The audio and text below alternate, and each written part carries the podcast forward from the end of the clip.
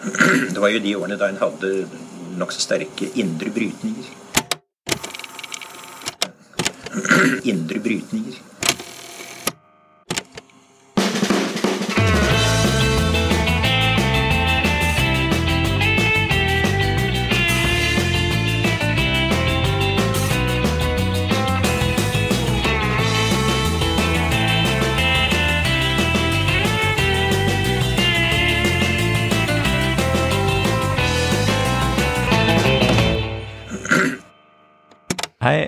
Og velkommen til Noen har snakket sammen. Mitt navn er Aksel Fjellavli. Og jeg heter Tiril Rustan Halvorsen. Vi skal snakke om eh, klima igjen. Jepp. Klimaendringene de skjer jo uansett. Eh, og vi tenkte å høre med regjeringen om hvordan eh, status er, og hva de holder på med.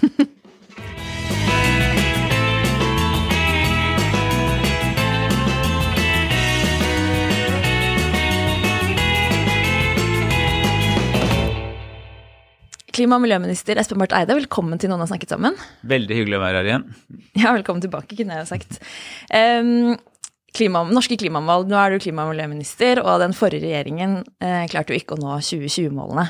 Nå har vi noen nye mål om åtte år, i 2030. Hva er det som gjør at denne regjeringen er bedre rustet til å nå 2030-målene?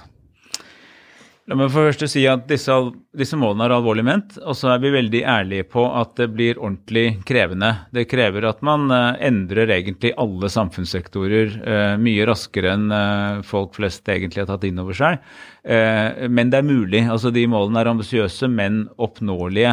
Og det hjelper veldig at vi gjør det sammen med stort sett alle land som ligner på oss. Dette er jo, Vi setter jo ikke noe mer ambisiøse mål enn EU eh, e gjør som helhet. Og, vi, og flere EU-land har satt enda mer ambisiøse land for, for seg selv, mm. Eh, mål, mål, for seg selv. Så, så, og det betyr jo Hvorfor det er viktig for oss? Det er fordi at teknologiutvikling og sånn skjer jo mye fortere når mange gjør det samme.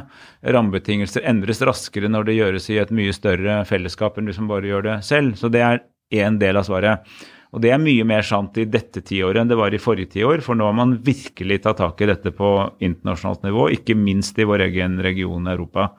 Det andre er at vi har en større eh, iboende vilje til å bruke staten aktivt. Til å drive retningsgivende eh, næringspolitikk, til å løfte fram nye muligheter raskere enn hvis man bare overlot det til markedet. Og det har jeg lyst til å si jeg må si at Veldig ofte opplever jeg at mange i næringslivet er enda grønnere og enda lenger fram enn mange politikere på dette. Så Det er lenge siden man trengte å fortelle dem at nå kommer det et grønt skifte. De opplever at de står midt oppi det. Men det de etterlyser av oss, det er altså eh, regjeringer, myndigheter som sørger for at rammebetingelser og infrastruktur og beslutninger og sånn og, og virkemiddelapparat er skrudd sammen slik at, får, at deres planer og ideer og drømmer kan realiseres. Og det har vi lyst til å bidra med. En mer aktiv stat, sier du. Har du et konkret eksempel på eh, hvordan denne regjeringa velger annerledes enn den forrige regjeringa? Ja, vi er f.eks. mer villige til å bruke eierskap aktivt. Og Jan Kristian Vestre, min gode kollega i næring, tenker, jobber mye med det. Hvordan man kan ha et sånn mer målrettet bruk av de eierskapene staten allerede har, eventuelt også andre. Eh, vi er opptatt av å tørre å si at vi kan sette oss noen overordnede mål, noen samfunnsoppdrag, som man skal prøve å, å, å oppnå i fellesskap med de det, som berøres. Altså F.eks. vil vi løfte fram en uh, hydrogenøkonomi, og da ønsker vi at både produksjon av hydrogen, distribusjon og teknologier for bruk, altså særlig da i transport og industri, eh, vokser parallelt. Og det vi da tilfører markedet, er en vilje til å lage måte, gjennomgående planer eh, og sørge for at virkemiddelbruken alle de tingene nevntes, nevnte i innrettes, målrettes mot å nå det målet. Da tør, gjør man noen valg framfor alt mulig annet man kunne brukt de samme ressursene på. Og det, det, er flere sånne samfunnsoppdrag, selvfølgelig, og vi jobber med å utvikle dem nå.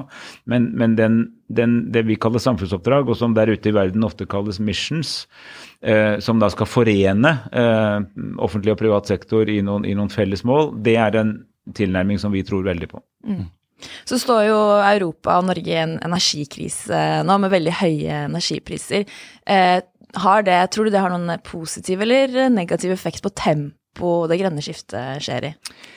Jeg tror akkurat som EUs visepresident Fran Timmermans er flink til å si, jeg er helt enig med ham på det punktet, det er at dette vil akselerere det grønne skiftet. Fordi det som gjør at prisene er så høye akkurat nå, og så skal vi huske på at dette er en ekstrem situasjon, og, og dette er ikke den nye normalen, det er at det er veldig høye priser på fossilt, ikke minst på gass. Faktisk også på kull, men det er ikke minst veldig høye priser på gass. Samtidig som man ikke har bygd ut fornybart i så stort omfang at det på en måte overtar eh, fullt ut. ikke sant? Så det blir stadig mer vindkraft og havvind og sol og, og sånn inn i det europeiske kraftsystemet. Men man er fortsatt veldig avhengig av gass, og så har man gjort seg mer avhengig av gass fordi man skal fase ut kull, og fordi bl.a. Tyskland har stengt ned atomkraftverk. Det, den situasjonen gjør på en måte to ting som styrker det grønne skiftet. Det ene er at det er rett og slett mer lønnsomt nå å bygge fornybare kilder. For, Det er nesten utrolig å tenke på, men for under to år siden så var fornybarsbransjens store angst at prisene på strøm skulle gå mot null. Fordi det var veldig lave priser, og man fryktet at du så en langtidstrend eh, mot at det ble nesten altså Veldig fint for forbrukerne, men det ble nesten ikke noe insentiv til å bygge ut. Nå er det i hvert fall insentiv til å bygge ut, og den utbyggingen kommer da forbrukerne til gode i neste omgang. fordi at da er det jo et større tilbud, og prisen faller. Mm. Eh, og det andre er at jeg tror at man blir mer bevisst. altså dette har det er brutalt, og det treffer folk, og det er utrolig viktig at man har sånn fordelingspolitiske grep.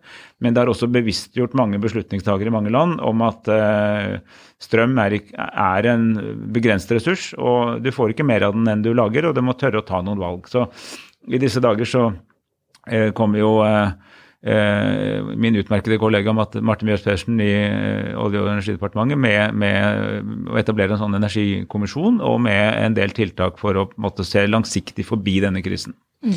Men, men, høye priser på gass det gjør jo også at eh, si det, Du sier det blir mer lønnsomt å investere i fornybart, men det blir også mer lønnsomt å holde på gassproduksjonen. Norge selger jo gass som det suser i denne situasjonen.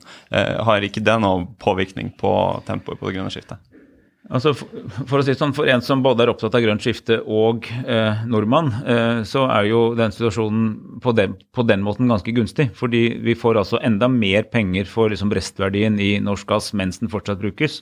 Eh, og, og, det er jo ikke dumt. altså Det betyr masse penger inn i statskassen, men det betyr jo samtidig at det blir mer fristende å investere i de alternativene på sikt som kan erstatte gassen. Så, så, så, så um, gass er har en høy pris, men det gjør jo også at folk gjerne vil videre bort fra fossil. Eh, og begge deler er med litt ulik tidshorisont. Men så skal vi være klar over at eh, de debattene som går om dette, ofte, man faller ofte ned i to, liksom den ene av to skyttergraver. Og den ene er sånn eh, Vi er nødt til å bli fornybare med en gang. Vi må slutte med kull, olje og gass som om det var det samme. Eh, og den andre sier at nei, det kommer til å ta så lang tid, det kan egentlig bare fortsette i all evighet. og det, det ordner seg nok. Begge er feil. Eh, etterspørselen etter fossil, herunder gass, kommer til å falle, er sant. Eh, men det er også sant at det kommer til å trenge gass en god stund, bl.a. fordi europeerne ser på naturgass som et viktig bro, mens de skal skyve ut kull av markedet, f.eks. For fordi gass er, gir en mulighet til å balansere ustabil, altså fornybare kilder som, som, er uregulerbare. Altså Vindkraft er veldig billig når det blåser mye, men den er ikke der når det ikke blåser. Solkraft er veldig billig når det er øh, dag og lys, men den er ikke der om natta eller når det er mørkt. Så, så, så øh, sånn sett så har gassen faktisk en plass i den lange energiomstillingsreisen. Så man tenker på en, dette som en slags reise fra A til B, hvor A er en verden der øh, 80 av energibruken er fossil, til eh, et B hvor verden har sluttet med alle fossile utslipp, så, så har sant, det som det faller først er kull, og, og, gassen vil ha en plass i den reisen. Og så kommer vi jo på toppen av det at vi kan gjøre den gassen utslippsfri hvis vi gjør den blå, altså til blå hydrogen. Eh, eh, gjennom karbonfangst og -lagring. Og Det er jo en svær oppgave for Norge om man faktisk kan ta ledelse i å tilby et utslippsfritt produkt i stort volum eh, til et Europa som ønsker å gå mer over i hydrogen. Regjeringen har et eh, mål om å kutte 55 eh, innen 2030 i forhold til 1990-nivå. og Dere sier også at dere skal gjøre det i økonomien som helhet, både i kvotepliktig og ikke-kvotepliktig sektor. Så vi tenkte vi skulle høre litt mer sånn konkret på hvordan eh, man skal gjøre det. Eh, for eksempel altså, i den klimaplanen den forrige regjeringen eh, la frem, så er landbruket en, en Skal det tas en del kutt i, innenfor landbruket. Eh, men det er veldig få virkemidler i den eh, klimaplanen for hvordan eh, man skal komme ned i utslipp der. Hva slags virkemidler har, har du? Sandra Borch og jeg har satt oss ned altså bare en uke eller to etter at vi tiltrådte og begynte den samtalen om hvordan vi kan bistå landbruket og landbruksorganisasjoner som faktisk ønsker å bidra i klimaomstillingen, som ønsker å få ned utslippene i sin sektor, slik at det virkemiddelapparatet vi allerede har i landbrukspolitikken, som er ganske omfattende, i enda større grad kan bidra til å stimulere mer bærekraftig produksjon. Og Det kan gå på eh, hva slags mat som produseres hvor. Vi vet jo at eh, nye generasjoner kommer til å spise mindre kjøtt og mer grønt f.eks. Hvordan kan du sørge for å oppnå et annet viktig mål, nemlig høy grad av sjølberging, eller altså mye hjemlig produksjon, også når folk ber om annen mat eller i, i, i butikken. Eh, hvordan gjør du det? Hvordan kan du utnytte ny teknologi f.eks. til å redusere fossilbruken i landbruket? Eh, veldig mye spennende som skjer på elektrifisering også der. Eh, hvordan kan du elektrifisere f.eks. drivhus, slik at ikke de bruker fossil eh, oppvarming? Hvordan kan du få til mer presisjonsjordbruk, hvor du gjødsler mer nøyaktig gjennom sånne små eh, Eh, altså sånne roboter som ser ut som robotgressklippere, litt større, da, men som da på en måte definerer det enkelte, enkelte punkts behov for gjødsel og sånn.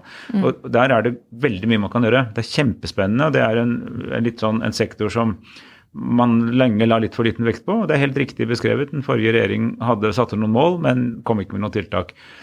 Så er jo sånn landbruk, I landbruket har vi et ganske høyt støttenivå, som godt kan bli høyere, i og for seg. Det tror jeg mange av mine kolleger i regjering gjerne ser. Men, men, men liksom, vi har en solid tradisjon for et høyt støttenivå, så staten er allerede tungt involvert i landbrukspolitikken.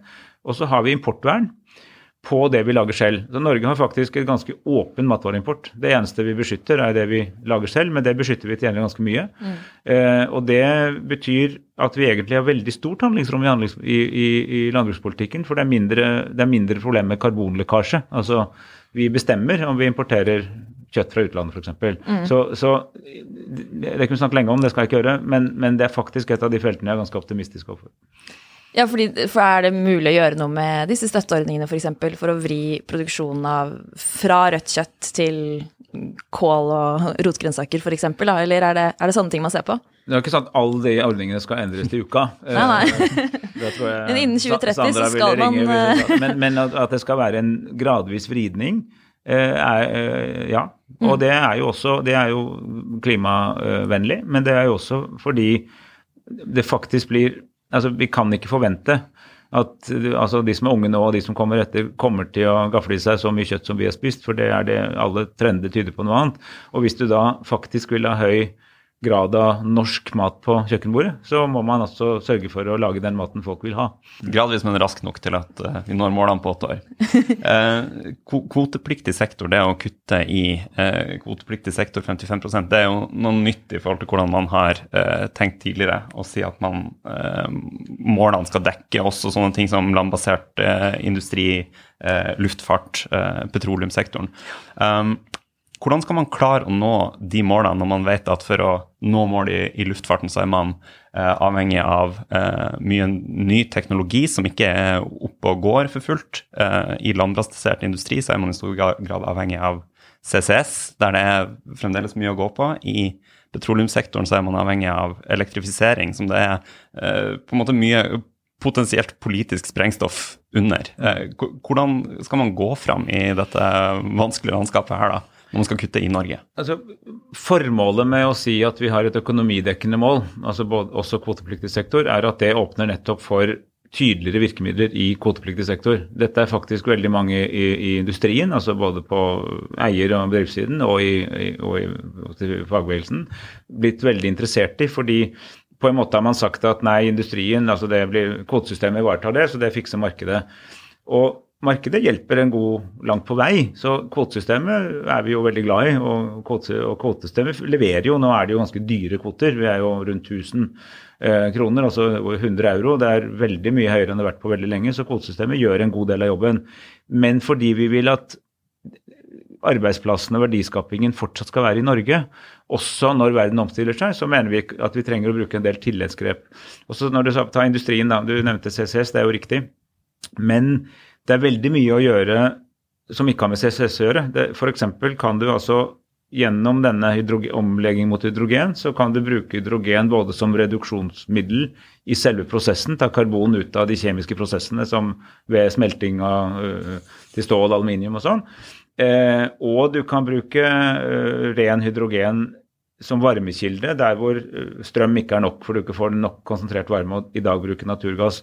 Og, og Prosess21, som er et veldig godt produkt og veldig faglig solid og, og, eh, og dreier seg om norsk prosessindustri, sier på en overbevisende måte at det er mulig å fordoble verdiskapningen og halvere utslippene innen 2030. Og så er det 191 sider tror jeg det er, med forslag til hva det betyr, og en del av det krever litt stat og sånn, men det går an. Og CCS er bare en del av det. Så nettopp i landbasert industri kan vi faktisk ha ganske, så to, ganske svære sånne terskelkutt. Fordi når, altså hvis den dagen, da, når uh, Celsa i Mo i Rana uh, dropper naturgass for siste gang og går over til den hydrogenen som de nå begynner å utvikle lokalt, altså når den spaken for gass blir dratt med hydrogen skjøvet opp i det anlegget, da går Norges samlede utslipp kraftig ned. Og du skal ha ganske mange tusen år med kjøttfri søndag på gamlehjemmet før du får tilsvarende kutt. Så industrien er en stor og viktig leverandør, og dette sier nå er eh, næringsministeren eh, og jeg veldig enige om. Eh, så skjer det masse spennende på lufttransport i Norge. Så altså Widerøe tror jo helt seriøst på at når de bytter ut sine mellom og kortdistansefly Dash 8, som vi flyr rundt med i Nord-Norge og Vestlandet nå, med nye fly, så blir de elektriske, eller i hvert fall hybride elektriske. Eh, for på de distansene er det såpass nært nå. Eh, og da, den dagen det skjer, så er jo fly faktisk nest, altså like bra som eh, gange og sykkel, egentlig. Og, og når er det? Hmm? Og når er det? Nei, dette, dette tiåret. Ja. Men det er altså på, det, altså det er kortbanenettet. Mm. For det er veldig mye lenger, det er lenger fram, men det jobbes også en del med både syntetisk drivstoff, biodrivstoff, innblandingskvoter for gradvis å bygge opp renere lufttransport. Og det som er veldig interessant, og det som mange i miljøbransjen ofte blir overrasket over, det er at hvis du først får ut utslippene fra selve framdriften, så har de jo et veldig Altså, flyene bruker lufta, så den er jo der. Og rullebaner, de er jo der. Vi har verdensrekord i rullebaner per innbygger i dette landet, så vi har mer enn nok av dem. Eh, og, og, da kan du altså få faktisk et ganske klimavennlig transportmiddel. Og dette er den type fascinerende teknologimuligheter som kommer. Men jeg understreker, det begynner på kortbanenettet og vil først mye senere være på lange reiser. Jeg ser tida vår begynne å, eh, å renne ut. Eh, du skal eh, straks i statsråd etter hva jeg har, eh, har skjønt. Mm. Eh, jeg har bare lyst til å stille et, et todelt spørsmål helt til slutt. Eh, det første er i hvilken grad må hver enkelt av oss forvente å bære en kostnad for det grønne skiftet? Altså enten i form av innskrenkinger på livene våre, hvordan de offentlige budsjettene ser ut, begrensninger på ulike vis. Og punkt to hvordan skal dette fordeles? Skal vi liksom bære kostnaden likt, eller er det noen som skal få unntak på noe vis, og hvem er de i så fall? Det er på mange måter det store spørsmålet. fordi altså jeg tror det grønne skiftet både er mulig og faktisk vil skje. og så er jeg ivrig på at vi klarer å få det til i tide også, men jeg tror det er retningen. Men den mer sånn fordelingspolitiske, sosial, geografiske distribusjonen av dette er utrolig viktig. Og jeg tror at hvis ikke vi som regjering, eh, myndigheter generelt, klarer å ta høyde for det, så kan du veldig fort få unødvendig mye motstand som egentlig ikke man trengte. Eh, og, og, derfor er vi opptatt av at klimapolitikken skal eh, være rettferdig. Og da, det er veldig viktig å si at Rettferdighet betyr ikke at du ikke kommer til å merke det. For du kommer til å merke det. Eh, alle vil merke at eh, ting blir annerledes. Men kan, noe av de endringene kan være til det bedre. Eh, noe av det dreier seg om å fordele også godene. Vi er jo eksempel, altså, vi har vært veldig opptatt av at elbil ikke skal være et privilegium for folk i by. Det må folk som bor langt fra eh, tettbygd ha den samme retten til å bruke. Da må du ha ladestasjoner også der markedet ikke lager det. Da vil det gode som det er, å kunne gå over til både renere og på mer effektiv og på det lange løp billigere transport, kunne fordeles likt på alle. Så det er ikke bare kostnadene som må fordeles, det er også oppsiden og fordelene. Det vil også være dypt urettferdig om man lot hele bransjer eller til og med regioner liksom være igjen i et slags 20. århundre fossiløkonomi som den moderne verden forlater. Det er også høyst usosialt, så dette med rettferdighet går litt begge veier. Men, men, det betyr jo eh, enkelt sagt at de som sitter nederst ved bordet, skal ikke ta den tyngste børen. At det er de som har større, eh, største muskler, må ta mer. Og at du må tenke geografi inn i dette, ikke minst når det gjelder mulighetene. Derfor er vi opptatt av å bygge bro fra de næringene som er store i dag, til de som kommer i morgen. Altså Veldig mye av det vi nå gjør med havvind, har også den effekten, i tillegg til å skape mer strøm, at det egner seg veldig godt for de industriarbeidsplassene som ble til i oljealderen. Og da har vi på en måte et svar på Det er ett av mange svar, da. På hva skal man leve av etter oljen. Mm. Mm. Espen Barth Eide, tusen takk for at du kom i podkasten. Takk skal dere ha.